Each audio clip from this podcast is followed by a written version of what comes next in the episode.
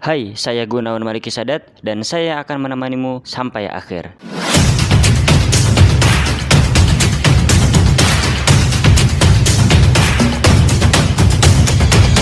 Oke, balik lagi di GMS Podcast episode ke-77. Nah, aku akan membahas sedikit tips yang emang sebenarnya banyak orang remehin, tapi bagi aku pribadi ini penting banget buat kamu yang emang udah mau memulai untuk membaca buku atau merutinkan untuk membaca buku setiap hari. Jadi, buku pertama yang harus kamu tentukan untuk bisa menjadi seorang pembaca itu harus buku yang ideal. Kenapa kalau enggak? Kalau misalnya enggak, buku itu akan menentukan kamu untuk membaca buku berikutnya. Akhirnya kalau buku yang pertama kamu baca itu jelek atau enggak bisa merubah kehidupan kamu atau enggak bisa merubah pikiran kamu dan kamu merasa baca buku itu adalah rasa yang bosan atau membaca buku itu malah bikin buat kamu bosen dan gak ada perubahan itu akan menentukan kamu setelah baca buku itu. Akhirnya kamu malas baca buku dan menganggap bahwa baca buku itu sama aja. Nah itu bahaya. Akhirnya kamu gak mau untuk beli buku lagi dan akhirnya mengorbankan duit untuk investasi leher ke atas demi membaca buku nah untuk menghindari hal-hal tersebut, aku mau kasih tahu dulu nih kesalahan-kesalahan yang sering dilakukan oleh orang yang sedang beli buku dan ingin membaca buku. Nah, kesalahan pertama yaitu orang tersebut langsung cari buku di toko buku. Dia nggak pernah searching, nggak pernah browsing, nggak pernah cari tahu isi buku apa yang mau ia tekunin, apa yang ia mau pelajarin, buku apa yang emang dia mau beli Akhirnya dia cuma masuk ke Gramedia atau toko-toko buku lainnya, kemudian langsung pilih cover yang menarik. Yang menurut dia oke, okay, yang menurut judulnya oke, okay, dia langsung beli tanpa tahu latar belakangnya, tanpa tahu isi dari buku itu tuh apa. Nah, aku udah punya pengalaman. Aku dulu nggak pernah suka baca buku, apalagi novel yang nggak benar-benar ngasih value ke kita walaupun pasti ada nilainya ya. Tapi dulu aku tuh sekedar beli aja. Oh kayaknya menarik nih dari covernya dari judulnya menarik. Akhirnya aku beli baca baca baca ah bosen. Karena dari segi pembahasannya kemudian kata-kata dan kalimatnya itu membosankan ya udah aku nggak konsisten sampai akhir bacanya. Nah dari situ aku belajar bahwa membaca buku itu harus ditentukan oleh buku-buku yang benar-benar kita kenal. Nah, cara mengenalnya gimana nanti aku akan bahas di setelah aku baca kesalahan-kesalahan orang dalam memilih buku. Yang pertama, orang tersebut langsung cari di toko buku. Yang kedua, cari buku yang murah. Buku itu banyak ya, banyak yang murah, banyak yang 15.000 dapat dua, ada yang 40.000 dapat tiga, ada yang 100.000 dapat lima, ada yang kayak gitu. Ya pas lagi toko bukunya mau cuci gudang ya. Nah akhirnya apa? Akhirnya ya buku-buku yang kamu terima yang kamu beli itu nggak punya value yang bener-bener kamu lagi butuhin. Akhirnya kamu ngerasa baca buku itu ya biasa-biasa aja nggak punya efek sama sekali buat kehidupan kamu. Ya bukan berarti buku murah itu adalah buku yang jelek enggak tapi aku saranin rata-rata buku yang bagus itu sebenarnya punya harga yang lebih bagus juga. High value high price juga jadi uh, tinggi juga harganya.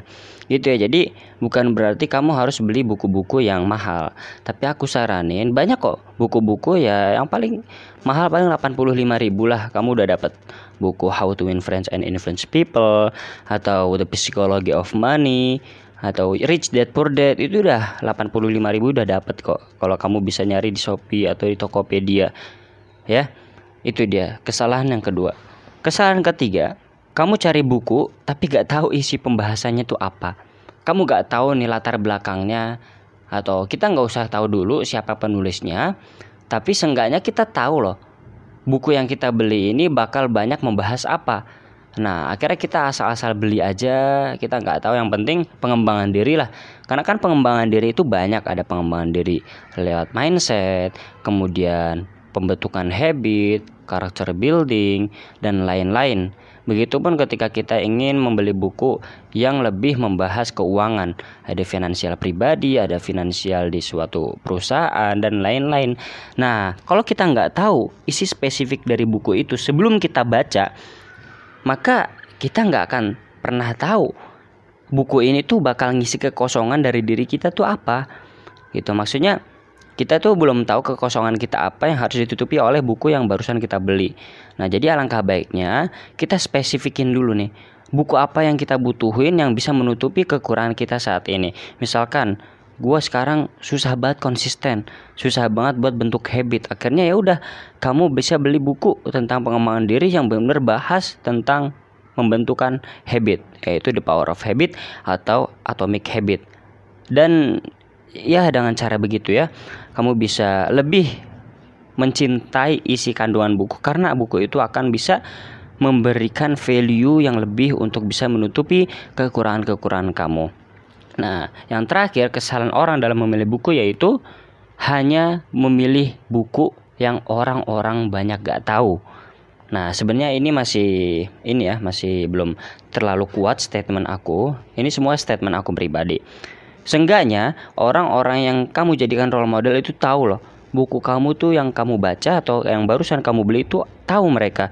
Oh ini buku tentang ini. Oh ini buku tentang ini. Jadi yang aku minta dari kamu itu kamu jangan asal beli buku yang nggak pernah orang baca yang nggak pernah orang tahu. Karena kalau misalkan teman-teman kamu udah banyak yang baca kamu kan bisa tahu oh gini gimana isi kandungan bukunya bagus atau enggak? Kalau mereka bagus kamu bisa coba. Oke? okay? Nah, itu dia kalau misalkan kita beli buku asal-asalan. Nah, tips-tips biar kamu bisa memilih buku yang keren, buku yang mantap, buku yang bisa buat kamu ketagihan untuk baca buku setiap hari dan bisa menghabisi beberapa buku. Yang pertama adalah cari tahu dulu daya tarik kamu tuh apa. Kemudian kekurangan kamu tuh apa yang bakal ditutupi oleh buku kamu. Ya, kalau misalkan kamu nggak tahu daya tarik kamu apa dan kamu belum ngerasa nih ada kekurangan dan kamu malah ngerasa gue kurang segalanya. Oke kalau kamu kurang segalanya aku saranin kamu baca buku self development atau pengembangan diri.